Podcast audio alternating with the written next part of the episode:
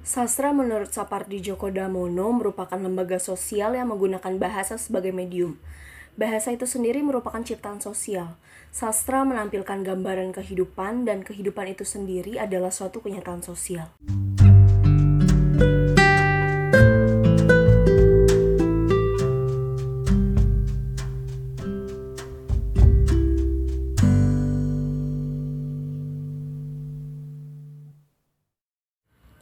Semuanya, balik lagi di Notes of Tasha.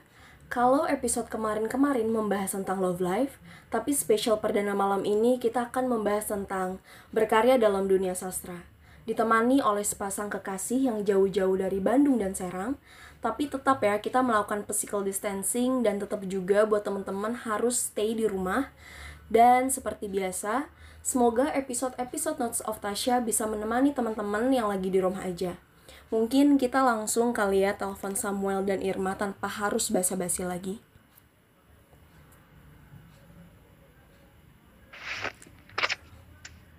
Halo, selamat malam. Halo, Samuel dan Irma.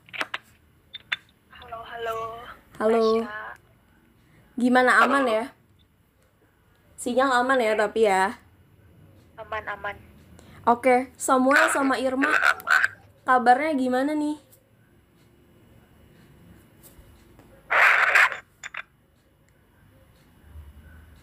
Halo?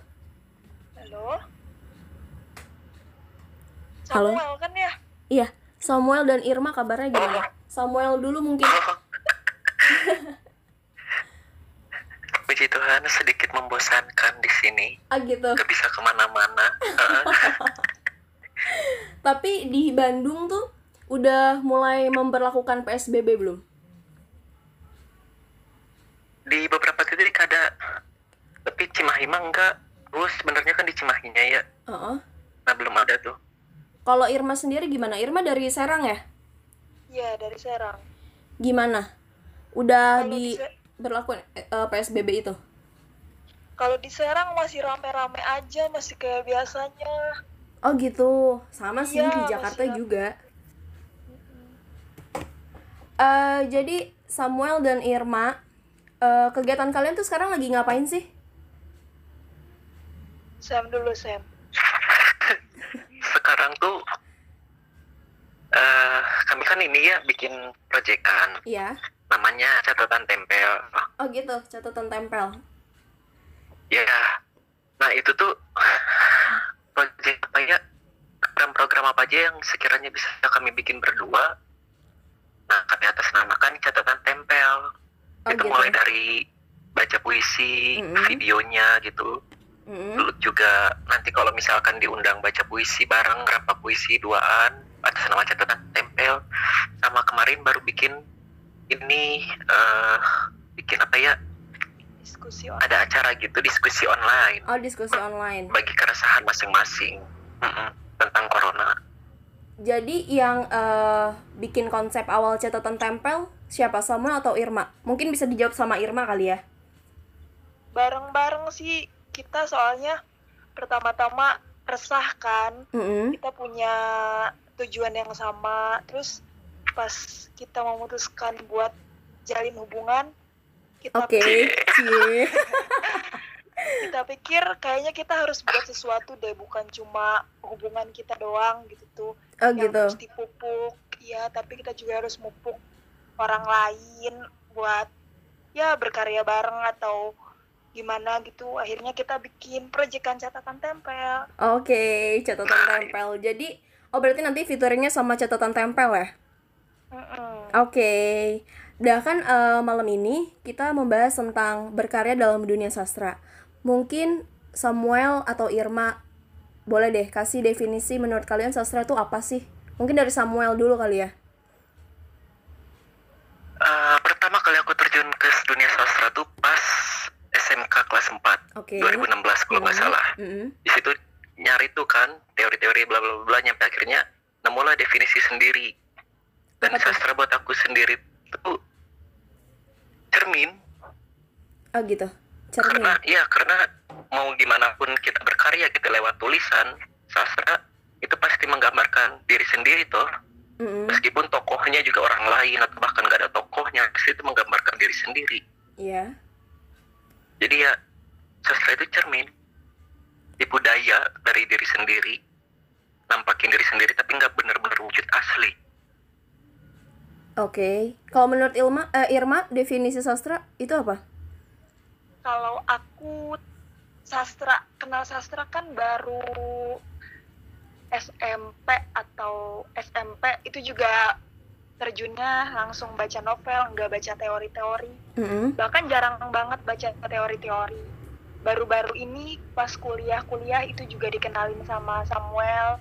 Ma baca buku ini, baca buku ini. Soalnya aku lebih suka baca novel, puisi-puisi, jarang baca teorinya. Terus bagi aku kenapa aku suka sastra? Karena sastra tuh hidup gimana ya? Kehidupan itu sendiri. Oh gitu Kadang-kadang nyata ya kalau- sastra tuh ya. Kadang-kadang kalau lagi baca buku atau lagi nulis atau lagi baca puisi atau apa gitu ngerasanya kayak nggak sendirian deh Mm-mm. sepi tuh sepi tapi nggak ngerasa kosong gening kalau sambil baca buku atau kita ngapain terus kayak nyelamin banyak dunia Lewat si buku itu ya. ya nyelamin banyak dunia yang sebelumnya nggak kita tahu terus tiba-tiba oh jadi gini oh gini gini gini ya gitu Oke, kalau tadi definisi sastra menurut Samuel itu adalah cermin dan menurut Irma itu sastra itu nyata dan bisa menyelami dunia mana aja gitu. Dan sebenarnya menurut kalian berdua sastra itu tuh udah passion kalian banget belum sih?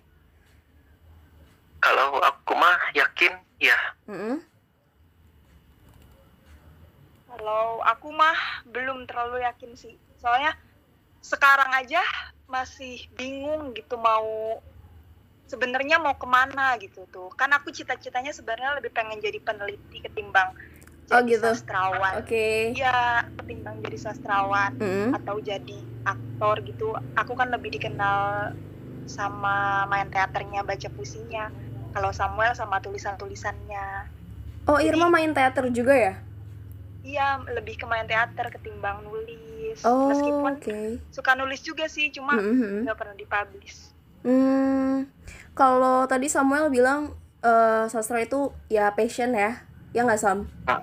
iya Itu boleh nggak ceritain gimana sih perjalanannya sampai akhirnya eh, kamu tuh nemuin oh ternyata ini loh passionnya gitu di sastra gitu.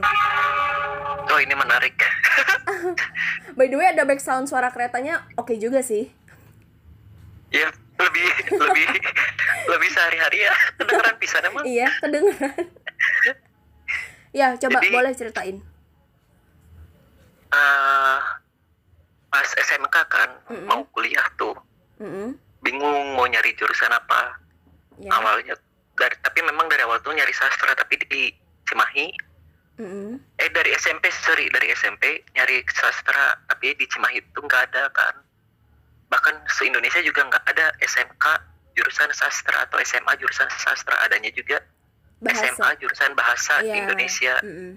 nah mau mau bilang lah orang tua masuk SM masuk SMA nggak diizinin harus SMK Mm. aku cari SMK sastra nggak nemu nemu nemu juga tuh adanya juga paling mendekati teater Oh gitu. dan itu pun di Bandung ya di Hmm. Bandung nggak di Cimahi SMK 10 Bandung. Nggak diizinin. Nah dari situ kok aku mikir lagi nih. Wah aku asal ngotot pisan ke sastra ya ada apa? Oke. oh iya ternyata pas diselidiki dari kecil aja memang asa udah ngerasa deket gitu. Maksudnya SMP ada yang namanya Bu Neng dia ngajarin baca puisi Ada Berasa Neng. kayak Mm. sastra tuh ini yang ngasih semangat buat terus ada gitu buat terus bergerak Mm. meskipun memang pada nyatanya sastra buat aku tuh bisa menggerakkan tapi terlalu liar gitu Hmm. Ya. masih masih nggak bisa dijaga mulai dari sopan santunnya dari gaya ngomongnya Mm-mm. tapi itu setidak tidaknya ngasih daya ngasih vitalitas gitu buat aku buat Anjir ternyata Samuel T yang begini Samuel T yang begitu. Oh, oh ngajarin untuk lebih mengenal diri sendiri ternyata. Itu buat aku kenapa yakin passion passionnya di sastra? Karena sastra kenalin diri aku sendiri. Tapi sebelum kenal sastra berarti eh, belum ya belum tahu jati diri gue tuh gimana sih gitu kan? belum. Akhirnya apa yang kayak sampai di titik mana sih kayak oh ternyata sastra nih emang bener-bener apa ya kayak merubah lah merubah diri untuk lebih mengenal lagi atau mungkin lebih bikin self love mungkin. Itu kapan? Ngerasa kayak gitunya kapan? Baru-baru kah atau memang udah lama? Pas aku semester satu di Telkom. Oh gitu? Dulu kan sempat kuliah ya dulu sempat kuliah kan di Telkom. Heeh. jurusan di kafe. Iya. Antara desain seni rupa sama sastra seni Hmm. tulisan gitu Hmm. merasa beda anjir ternyata bener ini mah kayak kayak panggilan gitu meskipun udah dipaksain masuk ke rel kereta yang lain da, entah bagaimana aku yakinnya tujuan aku mah harus lewat rel yang lain gitu ya Mm-mm. yang benar-benar cocok sama roda aku Iya. yang yang dibikin aku nyaman sendiri gitu dan nah dari situlah aku yakin kalau sastra memang ternyata cocok buat aku. Dari situ pula aku kuliahnya nggak bener. Tapi bukan karena si sastra yang ngebuat eh, kamu jadi kayak aduh nggak deh nggak kuliah gitu kan. Sebenarnya itu kan karena pilihan kan balik lagi ke pilihan. Mm, kalau untuk Irma sendiri tapi gimana gimana?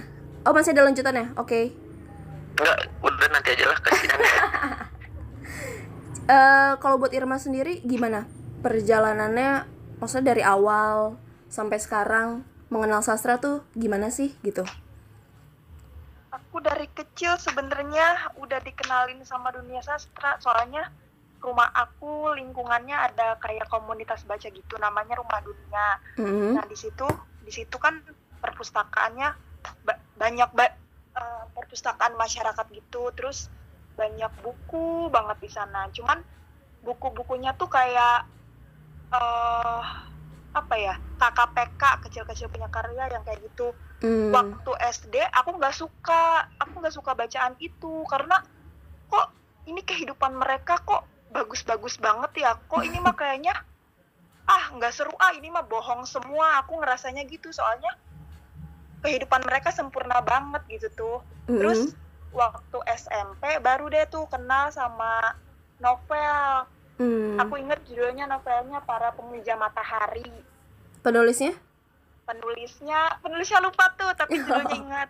Oke. Eh, penulisnya lupa tapi judulnya ingat. Nah di situ diceritain lah kan perempuan yang eh, pergi dari rumah terus dia mengembara ke mana-mana gitu. Terus aku mulai tertarik sama cerita-cerita tentang perjalanan perjalanan Hmm. seorang entah itu ke suatu pulau atau ke mana ke mana terus dari situ makin sering tuh baca-baca buku eh, nyari-nyari penulis terus aku akhirnya gabung sama komunitas teater Mm. waktu SMA terus waktu SMA baru deh bener-bener kenal sastra ngerasanya Mm. karena di situ kan cuma aku doang ternyata yang masih sekolah selebihnya mereka anak kuliah dan rata-rata jurusannya sastra Oh mereka gitu. kenalin aku sama banyak buku Eka Kurniawan, Avianti segala Mm-mm. macem disodorin lah aku terus habis itu baru deh makin sering makin sering beli buku makin sering ngoleksi buku terus nyoba-nyoba nulis Mm. nyoba-nyoba bikin puisi tapi ternyata tadinya emang niat tuh pengen masuk ah mungkin kuliahnya masuk jurusan sastra tapi ternyata dipikir-pikir lagi kayaknya aku lebih suka antropologi Oh Kayak gitu, gitu antropologi. Iya, Oke. Kenapa? ketimbang sastra soalnya kayaknya kalau belajar antropologi tuh seru aja kita tiba-tiba bisa tahu gimana kebudayaan orang tanpa harus ngejudge kebudayaan mereka Oh iya, benar-benar. Eh, tiba-tiba aku bisa belajar suku mana suku mana dan kehidupannya gimana dan ternyata wah kok bisa ya beda banget kehidupannya sama aku gitu padahal kita hidup di bumi gitu yang sama kehidupan yang sama kayak gitu apa faktornya latar belakangnya itu Mhm. sih kayaknya seru banget Oh, jadi akhirnya eh, tahu juga oh di bumi ini banyak juga ya culture-nya gitu yang bisa dipelajarin gak cuma satu doang gitu. iya itu kan menarik Iya. bagi aku Bener-bener. Dan menurut Irma, Eh, sastra itu semengubah apa sih di dalam hidup Irma sendiri? Kalau aku gimana ya mengubahnya? Jadi kan ibu aku orangnya konservatif banget, orang tua aku konservatif, keluarga oke. aku konservatif. Mm-mm. Aku waktu kecil nelan-nelan aja tuh apa kata mereka. Hmm. Nah, bahwa yang ini buruk, yang ini enggak, yang baik tuh yang gini, yang buruk tuh yang gini. Nah, terus semakin banyak aku baca buku, justru yang ah yang diomongin ibu bapak aku itu bukan kayak gini. Oh, tapi kenapa mereka bisa ngomong kayak gini tuh mungkin karena faktornya ini gitu. Jadi aku juga enggak serta merta menyalahkan mereka dan enggak langsung nelen omongan mereka gitu. Oh, jadi kalau dulu itu parameter salah dan benar itu dari ibu dan bapak gitu kan. Tapi semenjak udah Iya. kenal buku, punya parameter baik dan buruk sendiri gitu kan. Ya, tapi tanpa nyalahin orang tua juga Iya. gitu.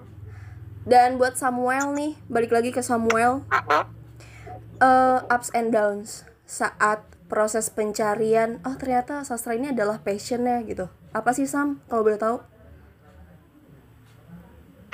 Eh, kita tuh pertama kenal tuh kapan ya? Kita kenal waktu di mana ya? Di ini Taman Suropati. Oh, Suropati. Suropati. Pertama kali ketemu. Oh.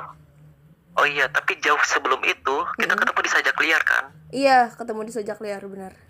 Nah, sebelum jauh sebelum itu tuh tahun Mhm. 2017 akhir ke 2018 awal tuh Hmm. aku sempet tuh di Jabodetabek, nggak sih di Jakarta, Bogor, Oke. Tangerang, Bogor Jak apa Jakarta, Bogor, Tangerang itu hidup ke sana sini aja ke rumah teman, ke kosan teman, Hmm. sama sekali nggak pegang HP, cuma bawa beberapa buku doang, nggak ada pakaian baju. Hmm. Nah, tapi memang numpangnya juga sama beberapa anak SL sama beberapa kawan lainnya gitu. Oke. Nah, nah di sini aku kayak kok tiba-tiba ada di sini ya? Kenapa harus tiap hari naik KRL, tiap hari jalan, tiap hari ngelihat jalanan, kenapa harus begini? Nanya-nanya nanya lagi tuh ke diri sendiri. Mm-mm. Tapi kenapa juga nggak nggak tiba-tiba aku mintanya pulang? Kok masih betah di sini? Terus Hmm. pas aku ada satu momen eh, di kamar kos Mm-mm. temen di Jakarta, Ya. Jakarta Timur Mm-mm. itu mereka udah pada kerja tuh aku diam sendiri di kamarnya tiba-tiba kayak ada anjir ternyata kenapa orang nggak balik lagi nggak ke mana-mana lagi nggak pergi Mm-mm. tetap tetap ada di satu garis yang sama gitu Tetap meskipun ya. pindah-pindah ya Jakarta Bogor Mm-mm.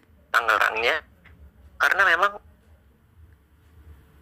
berkecimpung keras gitu terlibat langsung sama sastra tiap hari ngomongin sastra tiap hari coba nulis revisi ini itu Mm-mm. ada semacam keresahan sendiri gitu dan sekalipun dikasih tahu ke orang lain juga paling cuma permukaan doang gitu nah pada akhirnya itulah yang bikin aku yakin oh anjir ini mah ternyata memang sastra yang bikin aku hidup gitu sastra yang bisa bikin aku begini begitu bebas sebagaimana manusia Mm-mm.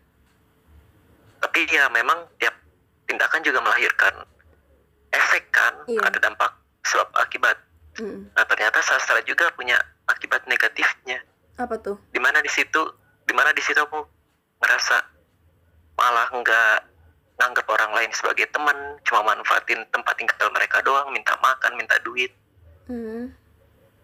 cuma jadi kawan ngobrol tempat ngeres apa tempat menuangkan keresahan doang gitu nggak Hmm. hadir sebagai benar-benar teman Karena Tapi dari situ karena juga- saat itu yang di highlight juga si sastra ini kan yang eh, Samuel mungkin ngerasa kayak hidup di dunia bareng sastra gitu. Akhirnya sama Ya. teman-teman dicuekin gitu. semacam itulah tapi Hmm. semacam kegilaan yang norak Oke. Terus?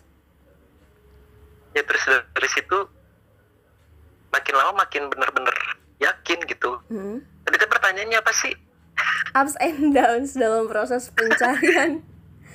dalam proses pencarian. Oh itu karena hidup di jalanan. Hmm. keras lagi kan makan kadang sehari kadang enggak.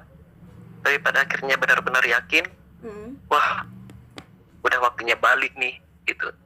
Udah waktunya balik dan bikin bikin pondasi di sana nggak ke mana-mana lagi keluyuran. Mungkin kalau dari itu situlah ada Mm, energi yang dibawa pas perjalanan itu untuk untuk semacam join secara aktif Oke. ikut diskusi sastra di Bandung heeh. bikin ngasih ngasih semangat lagi untuk terus kejar sem kejar sem kejar sem sastranya kejar gitu ta dari Hmm. pondasinya di Bandung begitu Hmm, kalau tadi kan eh, banyak nih cerita-cerita tentang downs-nya gitu. Tapi kalau ups-nya apa sih? Setelah mengenal sastra dan selama perjalanan itu apa sih yang yang menurut Samuel kayak oh ternyata di balik kesengsaraan dalam pencarian ini ternyata ini loh hasilnya gitu. Ini loh outputnya gitu. Output yang baik maksudnya.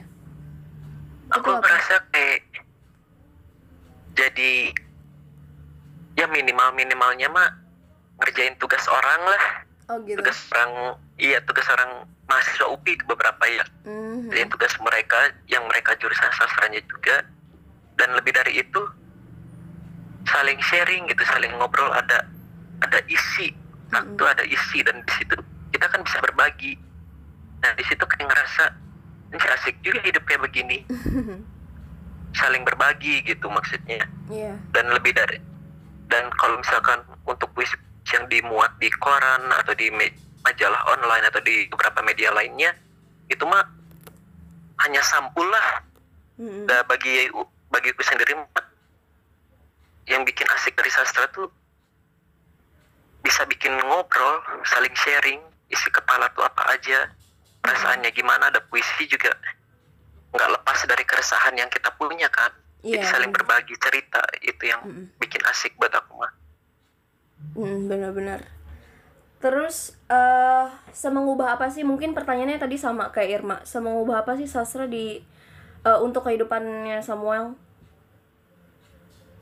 aku ngerasa yang dari tadinya nggak jadi apa-apa manusia yang lahir hanya sebagai manusia Hmm. belum tahu tujuannya ke mana belum tahu apa yang akan dilakukan nah pas kenal sastra Hmm. semacam ada semacam ada tugas gitu untuk terus berkesusastraan terlepas dari karya-karya yang dihasilkan itu baik atau buruk dikenal orang atau enggak apakah masuk ke kanonisasi sastra nanti karyanya terlepas dari itu semua atau dapat penghargaan apa pun itu setidaknya ada tugas terus hidup di lingkaran itu sem di Mm-mm. lingkaran kesusastraan Mm-mm. nah kayak begitu Hmm. Eh, kalau aku dulu mungkin sampai sekarang nulis juga kadang iya sebagai apa ya ngerasa nulis adalah kekuatan untuk diri sendiri gitu di saat mungkin orang-orang lain ngejauh tapi puisi itu nggak ninggalin terutama sastra juga nggak ninggalin kita gitu dan menurut nah Samuel semacam itu. Ya dan menurut Samuel dan Irma itu penting gak sih impact tulisan kita untuk orang lain gitu? Mungkin Irma dulu kali ya. Ah gimana ya? Aku jarang nulis juga sih. Aku kalau nulis kebanyakannya buat diri sendiri. Oh gitu. Jadi ya nulisnya cuma di memo terus disimpan buat diri sendiri. Atau misalkan aku nulis buat orang lain. Aku kirim tulisan itu langsung ke orang itu. Hmm kalaupun misalkan nulis dan untuk di untuk dibaca orang banyak kadang-kadang masih malu terus masih ragu sama tulisan sendiri. Jadi paling baru minta saran ke beberapa orang. Terus aku kebanyakannya nulis ya tentang keresahan. Jadi nggak melibatkan orang banyak gitu loh tapi Oke. pernah suatu kali nulis misalkan kalau aku lagi galau atau apa terus Hmm. aku iseng-iseng bikin tulisan terus tiba-tiba orang banyak ma ma ma izin screenshot ya atau ma gue share tulisannya ya atau apa gitu tapi kadang-kadang itu juga ngerasa senang sih Iya. Heeh, tapi yang lebih senang lagi kan sebenarnya kitanya ya udah lega weh Iya bener. Nah itu setuju, itu setuju. Iya. lega weh eh, terlepas itu bakal ada efeknya ke orang itu atau enggak atau terlepas orang yang kita maksudin itu bakal ngeladenin tulisan kita atau enggak Mm-mm. itu mau bodo amat yang penting aku udah ngomong atau yang penting aku udah nulis apa yang ingin aku tulis Mungkin lebih tepatnya pembaca adalah bonus kali ya, yang relatable adalah bonus gitu. ya Kalau buat Samuel sendiri gimana? Itu aku sepakat. Oke. tapi untuk beberapa poin. Mm-mm. kayak misalkan kayak misalkan puisi-puisi yang dibacain pas lagi demo gitu atau dalam kondisi apa lagi persiapan. Ya nah itu aku nulis puisi bukan untuk diri sendiri. Oh gitu. Tapi kayak ya kayak misalkan sedikit cerita nih ada satu masa dulu ada apa ada satu kesempatan gitu Mm.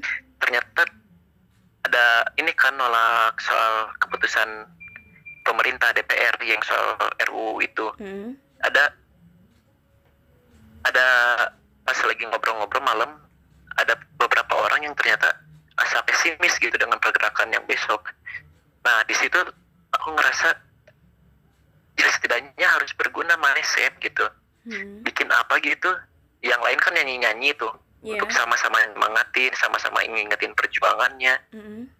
nah di situ aku nulis puisi meskipun bagi aku sendiri puisi itu jelek sebenarnya Mm. benar-benar benar-benar terlalu vulgar Mm. terlalu terbuka tapi ya setidaknya pas dibacain orang-orang juga ikut seneng ikut meriah lagi ikut panas lagi kondisi gitu Mm-mm. nah di situ buat aku poin yang kayak begitulah yang dikecualikan emang kita nulis buat diri sendiri tapi buat aku sendiri kadang kita memang harus ngelakuin sesuatu yang bukan untuk diri sendiri orang lain gitu Mm. nah di situ nulis bukan untuk diri sendiri Mm. poin yang terkecuali dalam kondisi yang seperti itu Aku pernah bikin tulisan sama Samuel tentang pendidikan eh, waktu itu giveaway. kontekstual Ya, aku Mm-mm. bikin tulisan sama Samuel. Terus tentang apa Aku- pendidikan itu ya Nah, tentang pendidikan. Mm-mm. Terus kan aku kalau misalkan nulis yang serius-serius agak belum gimana gitu. Jadi aku banyak konsul sama Samuel. Terus pas tahu ternyata tulisan itu banyak banget yang save dan banyak banget yang share tanpa aku minta. Mm. Terus kata mereka, bener banget. Terus tiba-tiba aku mikir, kayaknya aku harus lebih banyak buat tulisan yang itu bisa membuat membangun kesadaran orang lain gitu tentang keadaan di sekitarnya gitu. Dan Kadang-kadang aku mikir kayak gitu, cuman kayaknya kemampuan menulis aku belum sampai sana, jadi aku baru nulis sedikit-sedikit gitu. Tapi ya seneng lah kalau misalkan tulisan kita ternyata ada impactnya ke orang lain. Mm-mm.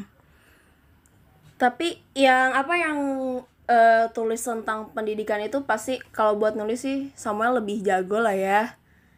oh enggak juga ya? Karena kayaknya nggak usah diragukan lagi, apalagi kalau udah apa ya udah on stage gitu kan. Samuel mungkin sama Irma nih paling jagonya gitu. Dan menurut kalian eh, ini berlebihan aja. Enggak enggak tapi bener. Oh ya sebelum sebelum ke pertanyaan selanjutnya gitu. by the way eh, waktu follow Samuel gitu kan yang live di sajak liar. Akhirnya kok kayak ngelihat wah Samuel dan pacara ini eh, sangat ini ya sangat mensupport dalam karya gitu. Dan berkarya bareng dalam pacaran tuh seru banget kan? Ya kan? Kamu juga banyak debat dan diskusi habis-habisan kalau lagi berdua. kan maksudnya jadi kayak nyambung dan oh ternyata ya punya apa ya satu frekuensi lah kadang membosankan gak sih kalau kayak gitu Enggak sih. Enggak. Sejauh ini enggak pernah bosen sama Sam. Oh my god. Jadi malam ini ceritanya aku jadi nyamuk kalian. Eh, kenapa? kalau kalau dari kacamata aku nih ya Oke, yang kacamata. notabene aku tidak berkacamata Oke. karena kalau bagi aku nggak cuma sendiri hati diri sendiri pikiran sendiri tubuh sendiri gitu Mm-mm. kayak harus ada nilai lebih apalagi kalau kalau le- lebih intim gitu lebih dari temen ke Mm-mm. teman dekat ke sahabat pacar gitu pasti Mm. harus ada macam sesuatu yang lain yang nggak bisa didapetin sama orang lain gitu nah Oke. makanya ini aku sama Irma bikin catatan tempel pengen ada hal lain Apa ya karya yang bisa diciptain berdua gitu sekalian? Ya biar orang kenang kita sebagai pasangan yang padahal enggak Tapi Sempet keren tuh sih, tapi itu keren nulis. sih si catatan tempel itu.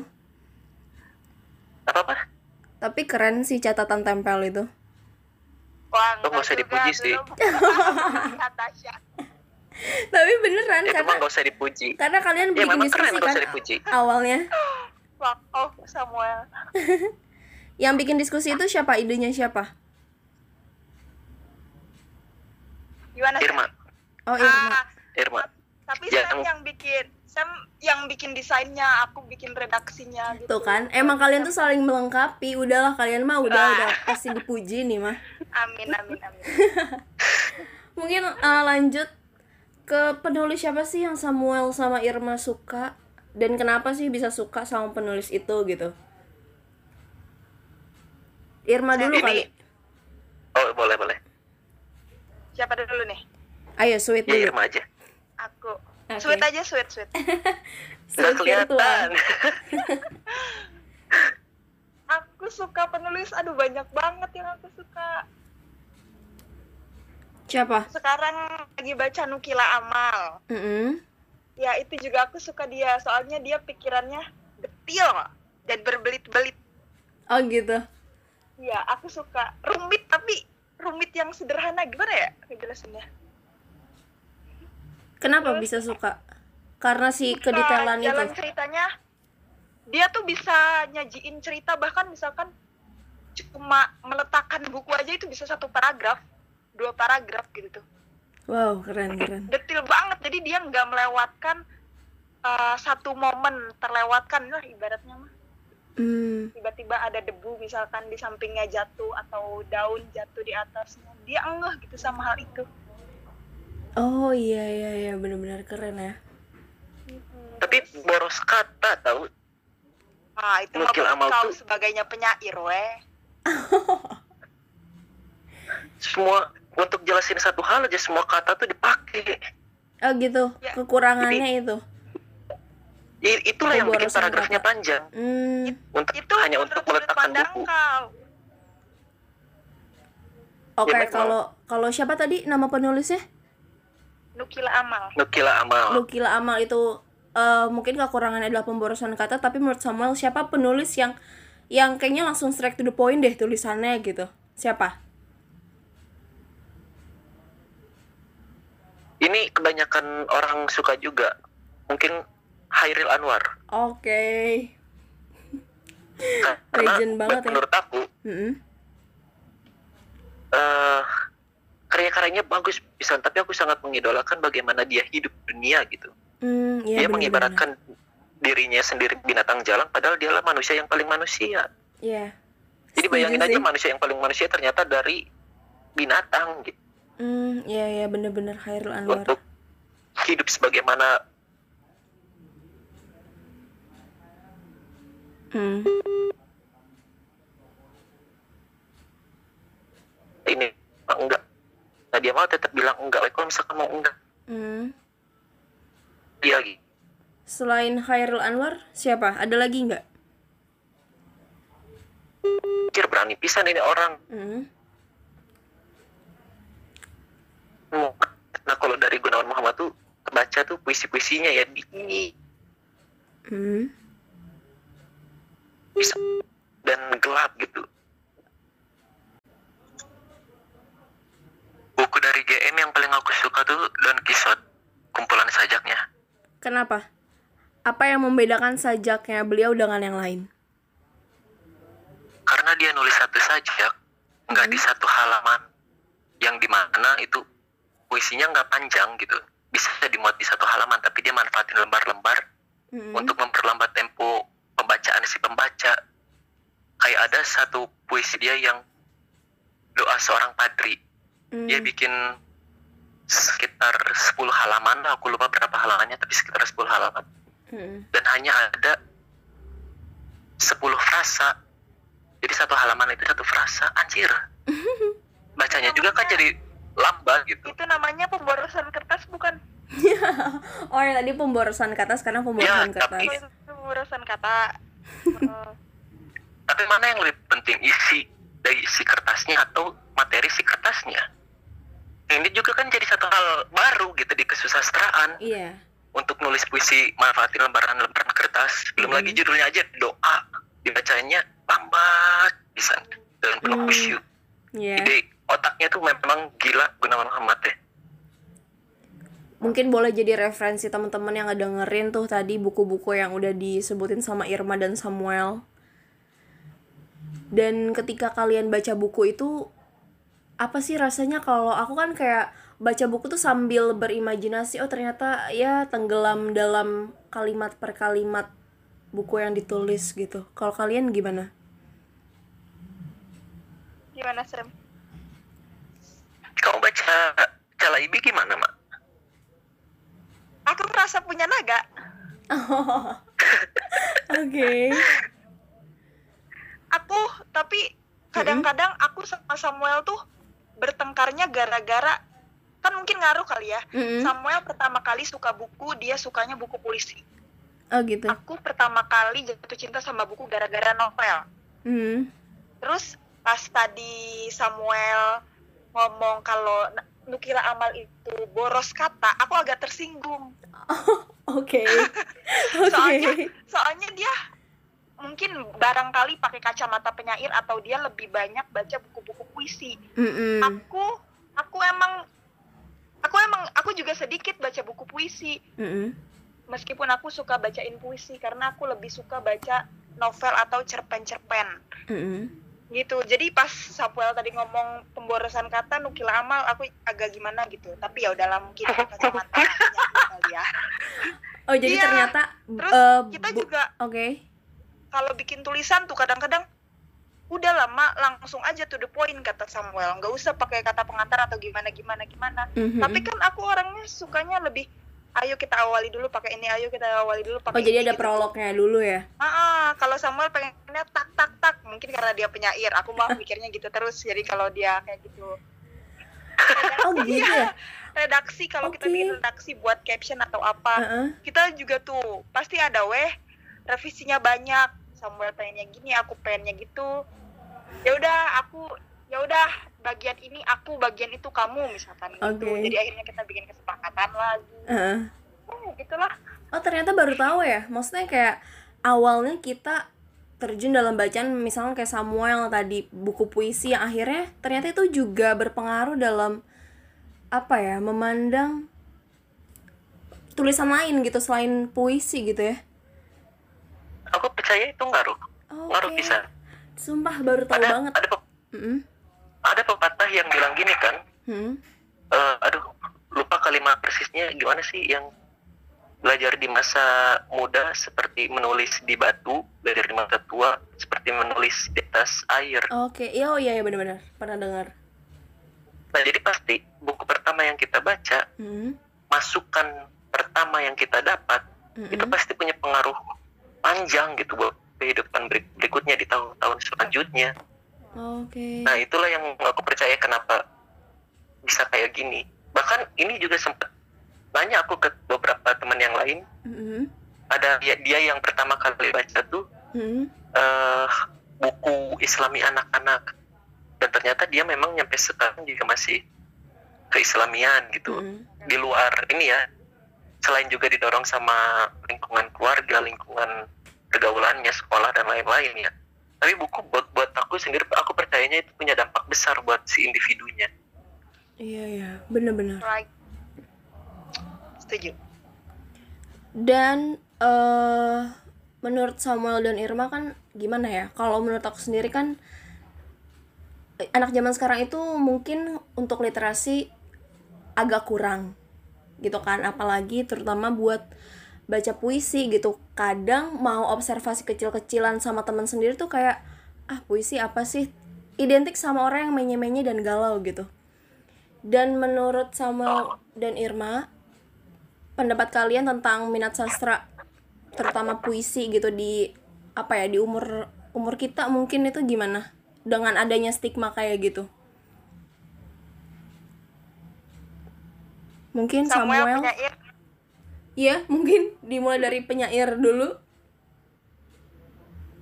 Kalau aku mah mereka mikir sastra itu menye-menye dan lainnya mah, benarnya mah rada bodoh amat lah biarin mereka terserah gitu mau mikir sastra itu seperti ini atau seperti Mhm. itu.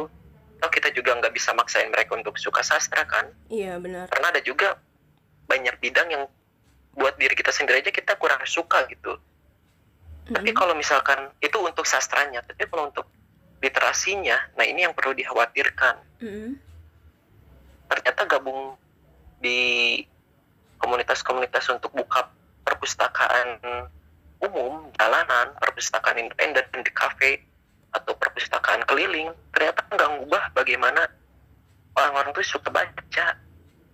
Iya benar. bahkan kadang-kadang anak perpusja sendiri aja nggak suka baca itu banyak loh di tempat Nah, Oh gitu. nah ini jadi ya memang benar ini ini apa yang dibilang Irma itu memang benar gitu. Uh-huh. Ternyata gerakan literasi untuk baca buku tuh sekarang mah jadi style, jadi gaya doang, Oh bukan iya kebutuhan. benar. Oke, I see. Nah ini yang perlu dicemaskan ternyata. Hmm, ada aku ada pengalaman gimana teman gimana? aku ya teman aku kan dia anak perpusja Mm-mm. terus dia minta tuh ma ada nggak buku-buku yang sekiranya mau dihibahin ke perpusja oh ada ada. Ada aku ada beberapa buku. Terus aku kasih lah buku-bukunya. Terus pas aku tanya eh udah baca buku ini belum udah dibaca belum bukunya? Mm. ya belum mak. Belum mak. Sampai sekarang belum belum belum terus gitu loh. Terus Oh, oke. Uh, terus nanya terus buku apa yang lagi lo baca? Terus gimana caranya lo nge-influence orang-orang buat suka baca? Kalau lo sendiri ternyata uh, bangun atau dia misalkan dia buka lapak misalkan di alun-alun Mm-mm. nanti gimana kalau ada yang nanya soal buku-buku yang dia lapakin dia bakal jawab apa gitu Oh tuh iya benar. gitu loh Mm-mm, aku kan khawatir juga di situ soalnya aku waktu kecil suka banget tuh nanya-nanya misalkan ada orang baca buku Mm-mm. Kak, misalkan buku yang bagus tuh yang buku yang bagus tuh yang mana? Ini soal apa kak? Ini soal apa? Misalkan Mm-mm. pas orang itunya nggak bisa jawab, aku malah jadi ragu gitu sama orang itu. Jangan-jangan baca buku nggak menyenangkan karena orang itu punya banyak buku tapi nggak dibaca gitu. Akhirnya menimbulkan stigma kayak gitu ya karena si Ya. yang buka lapak Wah, buku iya, ini iya, juga nggak baca dulu gitu.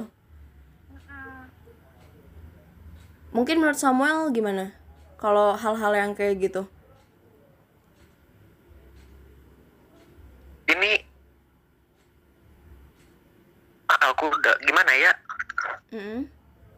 Kalau beberapa kali nyobain supaya si pengurusnya sendiri Mm-mm. orang-orang yang mencoba untuk meningkatkan literasi ke orang lain kita udah ajak supaya mereka juga meningkatkan literasi mereka nggak hanya sekadar baca buku ya baca koran baca berita baca juga teman-teman sekitar itu kondisinya gimana Mm-mm. dan ternyata itu sulit udah dicoba beberapa beberapa kali ah, biarlah mungkin itu pilihan hidup mereka kalau kamu mikirnya gitu Mm-mm.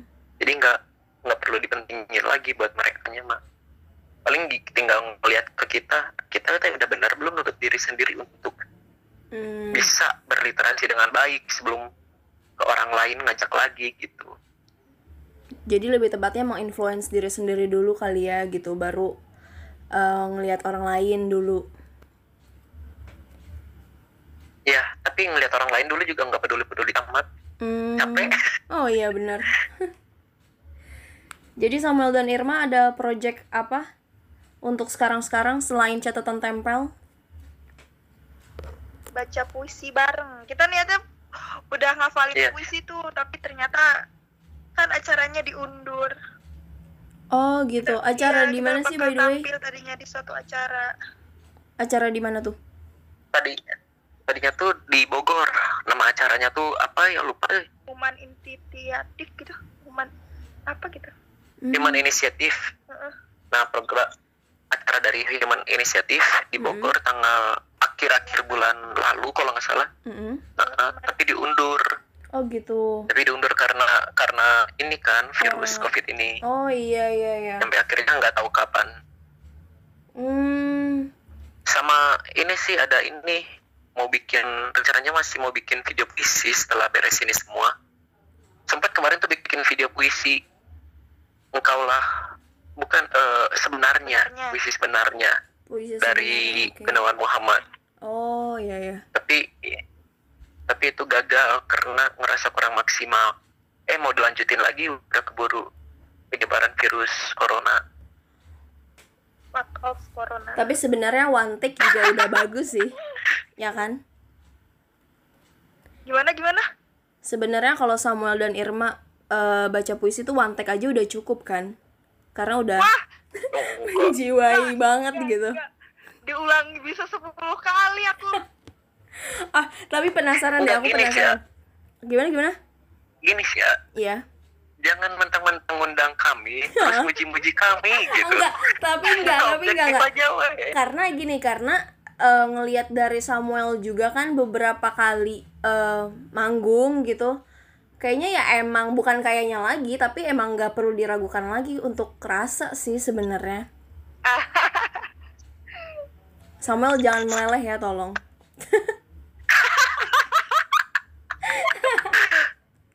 eh, tapi by the way aku penasaran deh, sebelum kalian on stage gitu, terutama buat Samuel deh yang penyair atau buat Irma juga yang sebelum main teater gitu kan pasti ada ritual gak sih? Kalau aku sih sendiri ada ritual gitu. Kalau kalian ada nggak sih?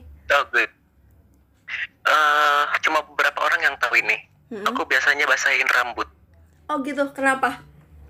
ya karena rambutnya nggak mau diem Jadi- rambut Samuel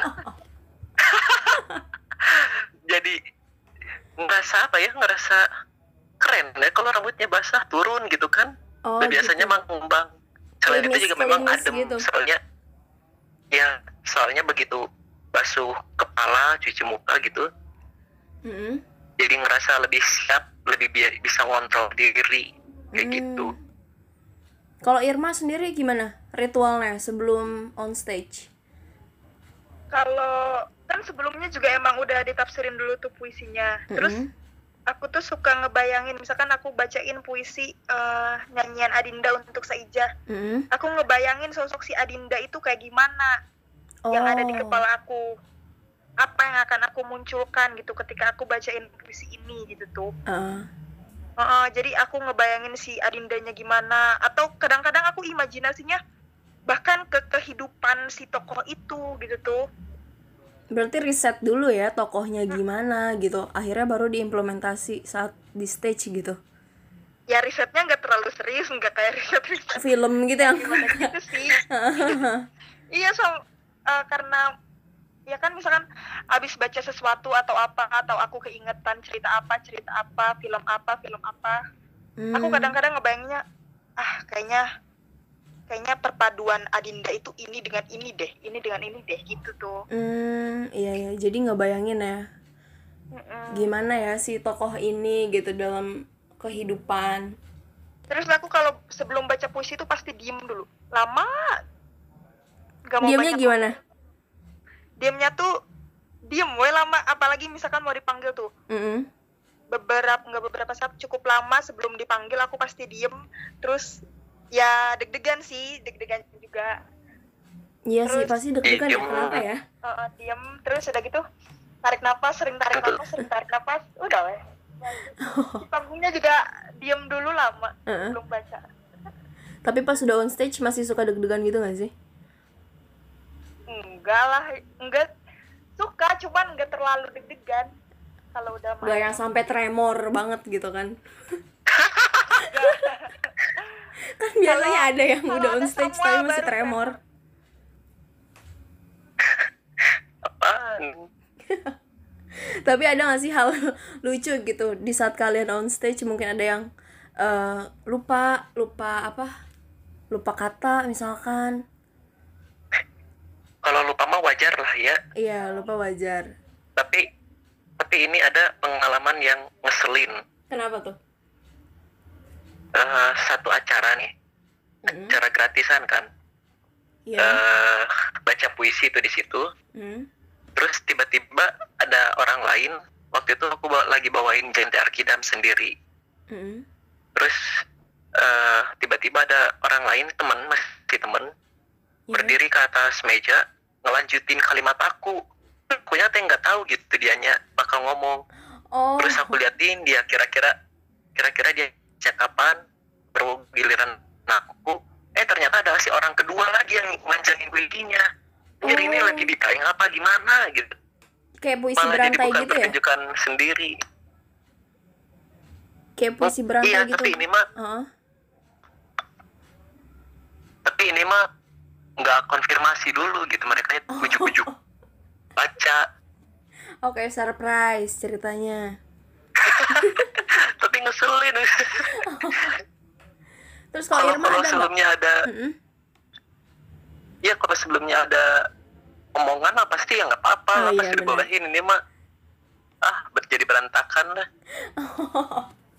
Ngeselin juga sih kalau kayak gitu emang bener ngeselin. Tapi kalau Irma sendiri gimana? Ada nggak hal-hal Pengalaman. pengalaman-pengalaman lucu gitu? pengalaman lucu sih belum ada belum ada kayaknya soalnya aku baca puisinya nggak gimana gimana nggak ada pengalaman kepleset di panggung atau apa kalaupun lupa teks juga kadang-kadang penonton nggak ngeh Nggak ngeh. terus ngelanjutin Ah, Bener-bener. karena akunya terus ngelanjutin dan nggak bersikap kayak orang yang lupa teks Oh. tapi Hmm. pernah tuh pas aku baca puisi terus ada anak kecil wow, wow, wow, gitu itu, itu aku cukup ngeganggu konsentrasi sih itu Akhirnya gimana Jadinya- ngekanternya? iya kan anak kecil kan ngegemesin ya suaranya Mm-mm, mm-mm, bener. iya jadi aku aduh hilanglah konsentrasinya Oh, udah niat pengen kayak gini kayak gini eh malah lupa oh gitu. jadi nggak maksimal ngerasa nggak maksimal sering sih selalu merasa nggak maksimal ya nggak sih Gimana Sam? Kalau Irma lagi ngerasa kayak nggak maksimal nih gitu. kalau aku sendiri mah pernah ngerasa itu udah udah apa ya 100 lah udah dapat nilai 100 Mm. tapi ini memang memang kejadian yang jarang gitu Hmm. Kalau kalau kuma kalau kuma gitu kadang puas meskipun banyaknya oh iya harusnya di bagian ini tuh sedikit ditekankan lagi katanya di bagian ini tuh harusnya dipercepat atau bagian ini tuh harusnya langsung tiba-tiba dipotong atau bacanya dipatah-patah pasti ada banyak evaluasi Iya. cuma di sejumlah kesempatan pas baca puisi aku ngerasanya enak dan itu yang udah aku bayangin kayak gitu Bener sih. justru asa Hmm. sedih asa sedih banget kalau misalkan nggak pernah ngerasa puas kalau aku mah ya Mm-mm. terus kinerja latihan latihan kebelakangan ke mana gitu kalau nggak pernah puas Iya, bener-bener. kalau aku mah pandangannya Itu mungkin Irma nanti bisa diskusi sama Samuel masalah maksimal dan tidak maksimal gitu. nggak nggak tahu aku mah sering ngerasa nggak maksimal terhadap sesuatu Eh, terus eh, pesan untuk teman-teman yang mau berkarya tapi bingung harus mulai dari mana? Ada nggak? Dari Samuel dan Irma tips-tipsnya? Ya kan biasanya teman-teman tuh kayak iya bingung ya cari jati diri, cari passion. Kan bakat dan passion itu harus di apa ya, harus digali sendiri gitu. Ada nggak sih tips and triknya gitu dari kalian berdua? Mungkin dari Samuel atau dari Irma duluan nggak apa-apa? Irma dulu deh. Kalau aku cari hal yang paling disenengin dan susah buat ditinggalin. Terus pas ngegelutin bidang itu ngerasa punya daya hidup ngerasa pengen Mm-mm. hidup lebih lama lagi gitu. Gitu sih kalau aku. Kalau sekolah nih misalkan kalau sekolah. Mm. Irma Irma kamu mau ke mana? Nanya diri sendiri kamu paling suka sama apa? Nantinya kamu pengen jadi apa? Misalkan. Aku suka sama pelajaran sosiologi misalkan. Hmm, Oke. ya udah kamu gelutin itu. Fokus ke situ gitu. Terus hal apa yang bisa membuat kamu hidup dan ngerasa pengen hidup lebih lama lagi misalkan? Aku suka baca-baca puisi dan aku suka ngehibur orang lain. Mm. Heeh, jadi ya udah gelutin itu. Itu kalau aku sih gitu. Jadi lebih ngajak apa ya? Ngajak komunikasi diri sendiri kali ya sukanya apa, iya nyamannya di mana gitu. dicatat juga penting sih aku dulu suka banget nempelin sesuatu di dinding kamar sampai penuh Oh. Oh itu juga jadi bisa jadi cara ya. iya kalau menurut aku ya Hmm, oke oke. Kalau Samuel gimana? Pesan-pesan buat teman. kalau Hmm.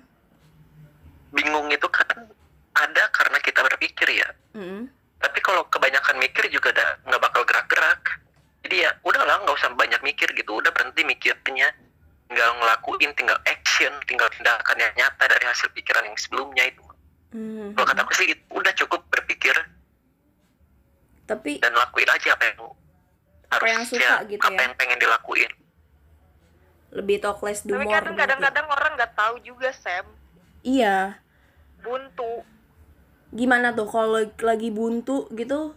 Gimana ya ngekanternya supaya ya ada semangat lagi buat menggali si passion dan bakat ini gitu.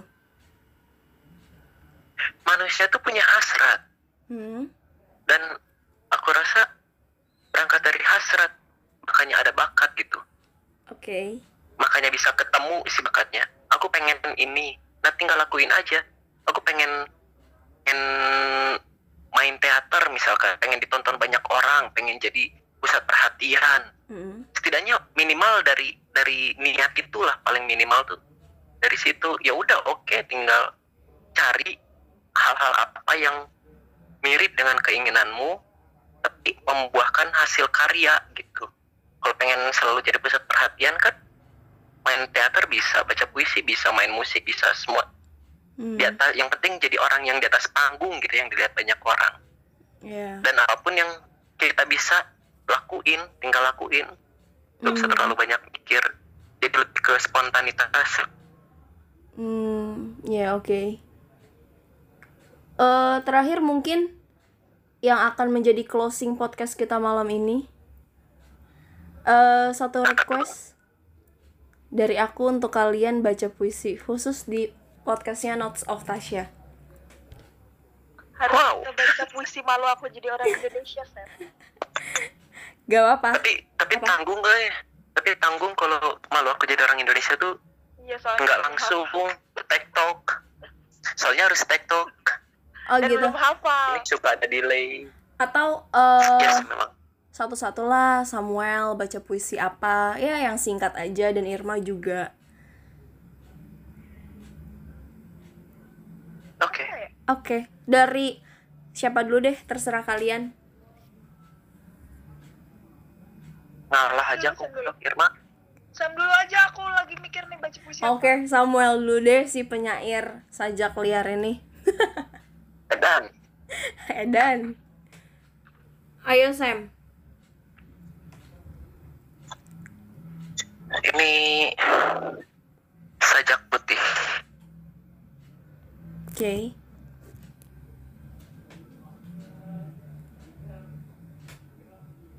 bersandar pada tari warna pelangi. Kau depanku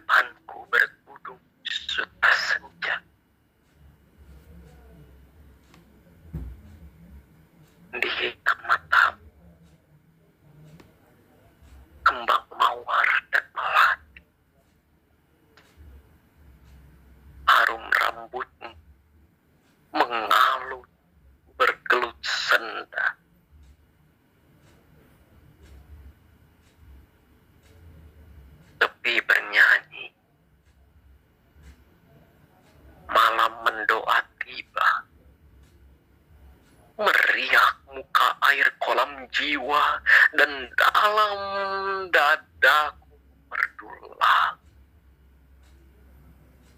Menarik, menarik seluruh aku. Yeay. Yeay. Gila. Gila banget Edan kalau kata Sam. Itu itu sebenarnya ada satu bait lagi. Tapi kita udah keburu ngeyein. Oke, oke. Satu bait di akhir. ya, satu bait terakhir. Ya, Ya. tapi enough ya, Sam. Boleh promosi? Boleh, boleh. Boleh banget. Ya udah, ini Mungkin buat siapa pun yang denger, Heeh. tinggal klik ke YouTube, tulis saja Samuel Leonardo ada beberapa video baca puisi, tonton dan sebarkan. Tuh, Nggak perlu di like, teman-teman. nggak perlu komen, tonton dan sebarkan aja. Oke, buat teman-teman yang denger ya, jangan lupa tuh tadi search di YouTube Samuel apa? Leonardi. Samuel Leonardi.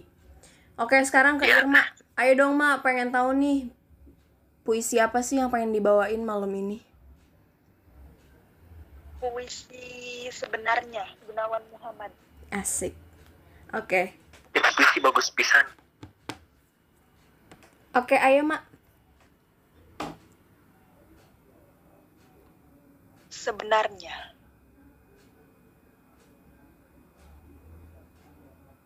Sebenarnya apa yang telah terjadi?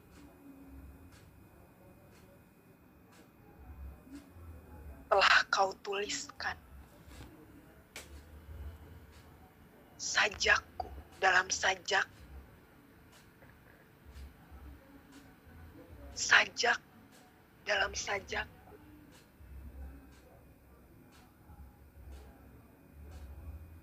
atau kata-kata kita saling selingkuh. Sejak zaman yang tak kita tahu.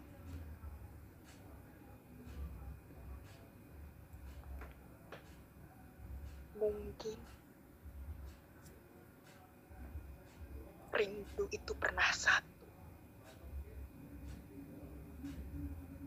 Melahirkan aku,